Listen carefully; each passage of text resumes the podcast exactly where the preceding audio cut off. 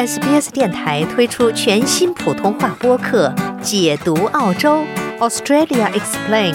在这里，你可以轻松欢快地了解有关澳洲的有趣知识。听众朋友们，欢迎您收听本期的闲话澳洲，我是雨夜。那今天呢，我们还是请到了特约嘉宾 Helen Lewis。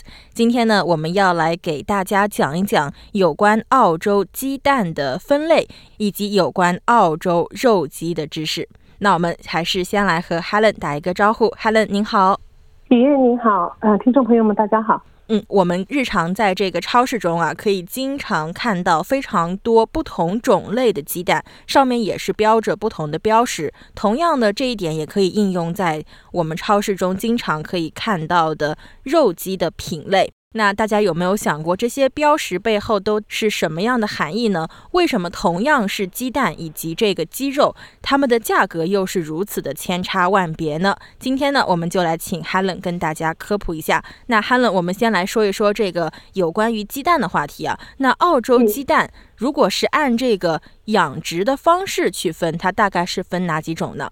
澳洲的呃鸡蛋就按照那个蛋鸡的养殖方式呢，一般来讲就是它有一个 cage egg，是养在鸡笼里面的鸡生的蛋，随后呢就是 barn laid eggs，就是养在鸡棚里的鸡生的蛋，接下来呢就是 free range eggs，那就是我们所说的走地鸡，就是散养的鸡。生的蛋。基本上呢就这个三种了，随后呢还有一种它是 organic eggs，那就是有机鸡蛋了。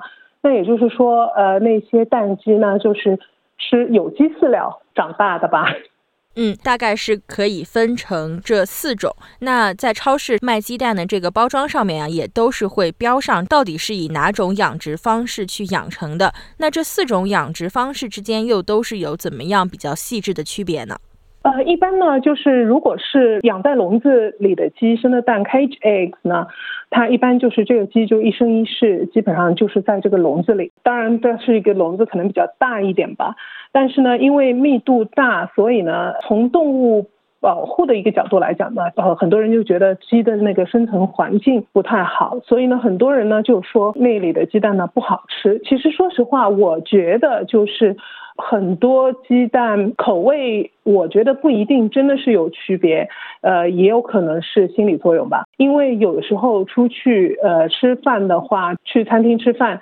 呃，很多餐厅成本问题，他们也会用 cage eggs，但是我们也并不一定就是能吃得出哦，这个好像不是散养的鸡。呃，随后 barn laid eggs 呢，就是 barn 就是鸡棚，那就是鸡的那个活动范围就大一点，在那个鸡棚里面。呃，最后呢就是 free range eggs，那就是在那个走地鸡养的鸡蛋。哦，对了，呃，现在其实也是我最近才学到的，还有一种鸡蛋。叫 pasture eggs，它呢就是等于是在大片草原上散养的。为什么呢？就是呃，如果是 free range 的话，其实并不是说这个鸡就呃每天都会在外面活动，因为呢，他们要看天气情况啊，还有就是下雨啊，或者因为对于生产鸡蛋的 farmer 来讲呢，当然是要保护鸡能够一直不断的生蛋。所以呢，呃，虽然说是走地鸡，但是这个鸡呢不一定天天都有机会出去，大多数的时间还是待在一个大的鸡棚里。那么那个 pasture eggs 呢，它其实是经常会把那个鸡到不同的地方去放养。所以呢，据说这个鸡蛋呢是最好的，但是呢，我在网上搜过，就是很少不多，所以呢，我至今呃还没有试过。嗯，那说到这个散养鸡蛋啊，也就是 free range eggs 这种鸡蛋，刚才 Helen 也是说啊，它不是说每天都可以去到呃野外去放风的呀。那他们平时生活的空间大概是多少的密度呢？其实现在如果大家去那个呃超市，比如说 c o s 啊、Woolworths 啊，可以看到销量最大的呢是他们自家的。呃，free range eggs 就他们自家的散养鸡蛋，但他们的那个散养鸡蛋呢，呃，其实散养鸡蛋这个标准呢是呃不同的，有不同的标准。像超市自家的散养鸡蛋呢，他们的标准是一般一个公顷啊，只能最多养一万只鸡，也就是说平均每平米一只鸡。但是呢，呃，还有一种散养鸡蛋呢，它上面有 RSPCA 的那个呃标识。那个 RSPCA 的标准呢，它的是标准是一公顷只能养一千五百只鸡，所以呢大大减少。也就是说，这个鸡的运动范围呢，活动范围呢是每六平米一只鸡，所以呢差别巨大。一般来讲呢，作为动物保护的一个。角度来讲呢，这些鸡是属于是生活的非常快乐的。当然了，还是比不上 pasture egg 呃那些鸡，因为那个呢是过一段时间就可以换个地方去自己找吃的。所以我觉得那些鸡呢，可能是活得最快乐的吧。嗯。那这个一公顷养一万只鸡和一公顷养一千五百只鸡，那这个差别也还是非常巨大的呀。就是由此也可以见得，虽然都是散养的鸡蛋，那中间还是有非常多不同的标准的。那刚才呢，Helen 还是说到了这个有机的鸡蛋，那有机的鸡蛋和其他这几种鸡蛋又有什么特别的不同呢？呃，有机鸡蛋呢，一般来讲，有机鸡蛋就肯定是散养鸡蛋了。呃，随后呢，有机鸡蛋就是它吃的鸡饲料，因为即便是散养鸡蛋，也不是说鸡就是所有的喂养都是靠自己去觅食。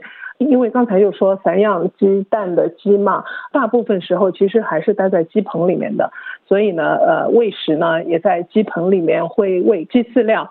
有机鸡蛋呢，那那些蛋鸡呢，它们就是吃有机的饲料长大的，所以呢，呃，这个鸡蛋呢是可以就是呃得到有机认证的。嗯，那如果从这个营养学的角度来看，有机的鸡蛋是不是比其他几种的鸡蛋的这个营养价值更高呢？还是它只是一种可以说在动物保护方面比较好的一种饲养方法呢？呃，怎么说呢？因为我不是一个营养学专家，但是就从成分来讲，里面的营养成分来讲，我认为应该是差不多的。呃，动物保护方面来讲呢，也不是有特别的区别，但是呃，因为它都是散养的嘛。但是呃，从就是呃没有化学物质这一方面来讲呢，那肯定是就像我们吃的有机蔬菜跟无机蔬菜对比，这样呢，就是有的人就觉得有机的是肯定要比无机的好，所以呢，在这一个方面是肯定是没有化学物质的残留啊，因为它的所有的饲料都是有机的。嗯，那说到这个鸡蛋的方面呀，呃，相信和我一样比较喜欢吃日料的听众朋友们，应该都吃过日本的一道名菜，呃，sukiyaki 寿喜烧。那寿喜烧呢，在食用的时候，它是要配以生鸡蛋来作为蘸料的。那澳洲是不是也有无菌的生鸡蛋这种概念呢？其实，说实话，我是啊，我来了澳洲之后呢，迄今为止还没有看到过无菌鸡蛋这一个专门的类别。我也是从就是华人大家交流的过程中才知道，呃，原来日本有这个无菌鸡蛋这个概念啊。但是澳洲人我觉得并不是太注重，嗯，鸡蛋是不是要无菌，因为呃，他们知道就是鸡蛋买回来最主要的就是不要去洗它，就直接放在那儿呃用就。可以，因为鸡蛋它本身有一层保护膜。俗话说得好嘛，“苍蝇不叮无缝的蛋”。所以呢，我记得我刚来澳洲，那是二十多年前的。那个时候呢，超市的鸡蛋都是常温的，都是在常温货架上的。也就是大概呃十几年前吧，突然之间开始，就也有可能是因为。保质期就不是那么长了，所以呢，他们就把鸡蛋转到了冷藏货架上去。但是呢，还是没有看到过无菌鸡蛋的这个概念。说实话，我呢有一道非常拿手的意大利甜点，也就是很多人都喜欢吃的意大利的提拉米苏。提拉米苏，提拉米苏它就是整道菜是不用烘焙的，那它整道菜呢就是全都是用的生鸡蛋。它只是蛋黄蛋白分开打，随后再混合在一起而已。随后呢，我们一般会今天做，明天吃，让那个味道就更入呃入味一点。做了二十多年吧，呃，都是生鸡蛋，今天做，明后天可能可以吃两天，因为一做就是做一大盆。嗯，但是目前还没有什么问题，所以我想澳洲的鸡蛋从吃生鸡蛋的角度来讲，一般不会出问题。嗯，这个也是要靠大家自己再去做一个辨别啊。那也是非常感谢 Helen 跟大家来分享一些他自己的见解啊。那说完这个蛋鸡以及这个鸡蛋之后呢，我们再来和大家说一说有关这个。肉鸡的话题啊，在超市的货架中呢，大家也是可以经常看到不同种类的鸡肉吧。可以说，有的是说 organic，有的是说一些其他的一些噱头。那这些上面的标签又是代表着一些什么样的含义呢？那我们还是先从这个养殖的方向来说，在澳洲这个肉鸡的养殖都有一些怎么样不同的养殖方法呢？呃，就肉鸡呢，跟那个蛋鸡不同，因为肉鸡啊，它一般来讲呢是不会养在鸡笼里的，它都会是养在鸡棚里的。所以呢，因为就是刚才我们说鸡蛋的时候，就说到那个 cage eggs 嘛，肉鸡呢很多就会说 cage free，但是这个呢其实是误导，因为澳洲的肉鸡是呃从来就不是养在笼子里的，所以呢还就是养在鸡棚里。跟散养的相比，散养呢，也就是走地鸡，也一样，就是走地鸡呢是可以出棚活动的。如果是养鸡棚里的话呢，那就一辈子就是在鸡棚里不会呃出去活动。但是呢，呃，如果是散养呢，也不是说就一直在外面活动，也是要看天气情况啊，就各种不同的情况。还有一种呢，我在 COS 看到过，嗯，在 w o o l s 呢，我不是很清楚。他说呢，有一种叫呃叫 ISPCA，就是刚才说的那个皇家动物保护组织，呃 ISPCA approved 呃 chicken，它是什么呢？它就是棚里的设施比一般其他的棚要好一点，不是因为有了这个皇家动物保护组织的批准，就说明。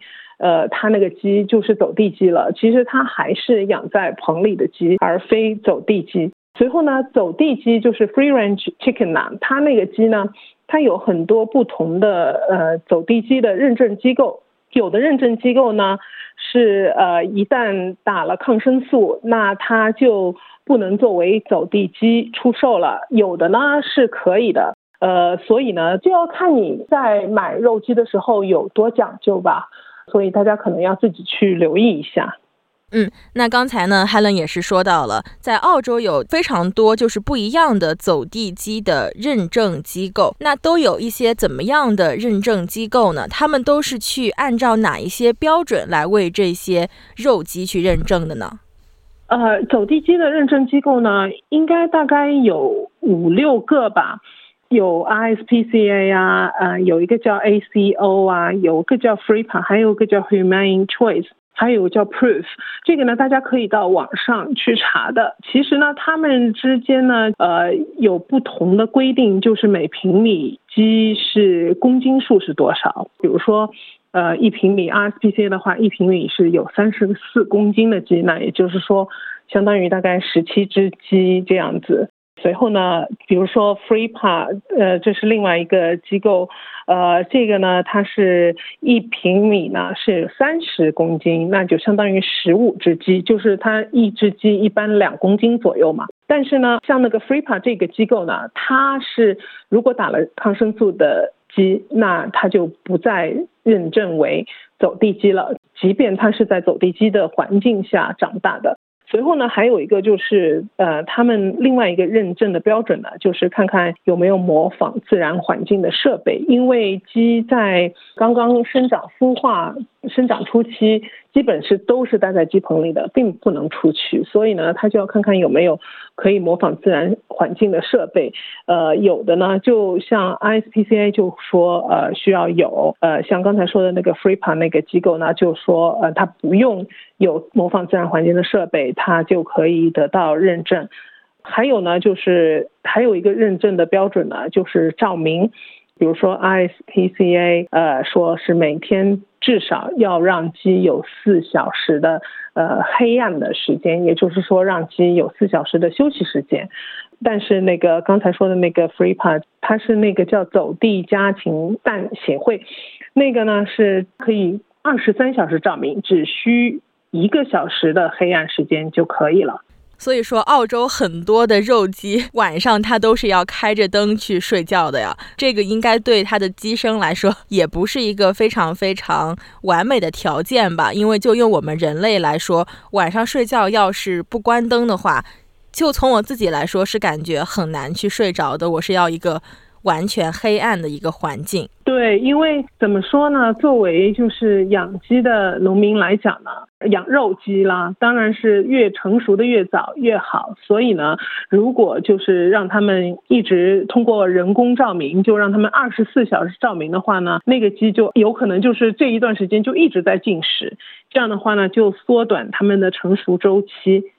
嗯，那说到这个成熟周期的话题，澳洲的这个肉鸡一般是需要多少的这个生长周期呢？呃，生长周期一般来讲呢，大概是三十五到五十天不等吧。也就是说，因为刚才提到过，嗯，肉鸡很多时候也不是，即便是走地鸡，也不是在户外活动的。因为呢，就刚刚开始的三周啊，有很多的嗯走地鸡的养殖场呢，它是关在棚里不能出去的，因为外面有很多就是环境因素。作为养鸡的鸡农来讲。那他当然希望就是一只鸡平平安安从孵化一直到可以出去呃售卖没有事，所以呢，在他们羽毛没有长全的情况下呢，呃，他们是不会让那些鸡出棚的。随后呢，出棚之后，再加上就是呃长时间的照明，一般来讲呢，成熟期大概是三十五到五十天不等。嗯。那也是非常感谢 Helen 给我们带来的分享啊！那这个真的是我平时日常生活中很少可以接触到的一块领域。那说一说可能跟我们生活更相关的一些话题吧，也就是说到超市中售卖的这些肉鸡的部位。就拿这个售卖的部位来说，这个肉鸡的部位它一般是可以怎么去用英文去表达呢？一般又有哪些常见的部位可以去买到呢？呃，我觉得澳洲人呢，就除了整鸡之外，就是整鸡就是 whole chicken 嘛。除了整鸡之外呢，一般他们比较喜欢买去骨的鸡肉。所以这边呢，我就想提一下，就是你如果去家禽店也好，或者呢，尤其是饭店，可能会看到两个说法，叫呃 spatchcock 跟 possum。这两个呢，呃 spatchcock 跟 possum 呢，它不是。一种特别种类的鸡，它就是我们说的童子鸡吧，一般是四周不到的小鸡。所以呢，就是如果你在菜单上、餐厅的那个菜单上看到这个鸡的话，就知道它是一整只，一般是一整只上桌的，因为它就是一只很小的小鸡嘛。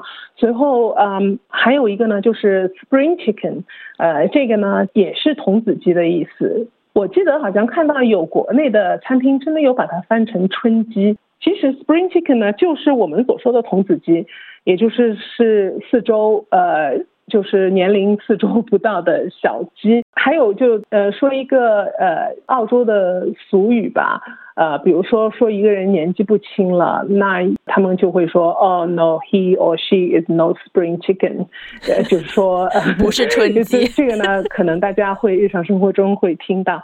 那随后呢，呃，就要说一下，如果买鸡的话呢，那一般来讲会有 skin on 跟 skin off，就是带皮跟去皮的。呃，但是我发现就是澳洲人一般如果要去骨的话呢，他们就把皮给也一起给去了。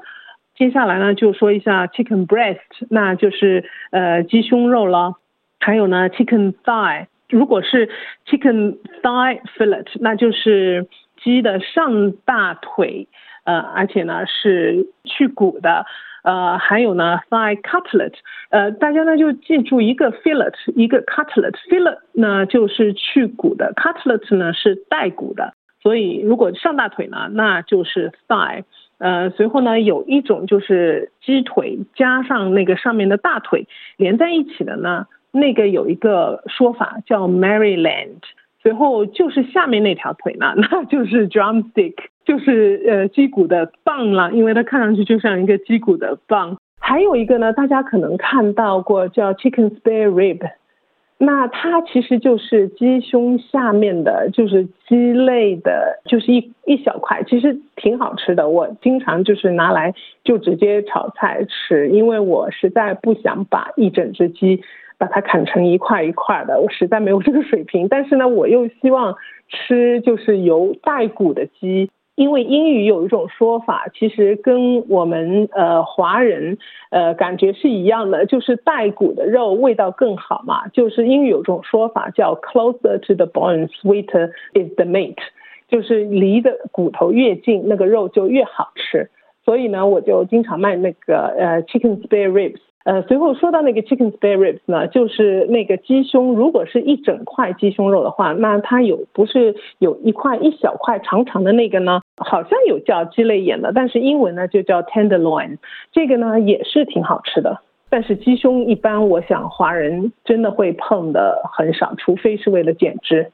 这个鸡胸肉要是做不好，它会是非常柴柴的。但是也不排除有人就是对这个柴柴的口感甘之如饴啊。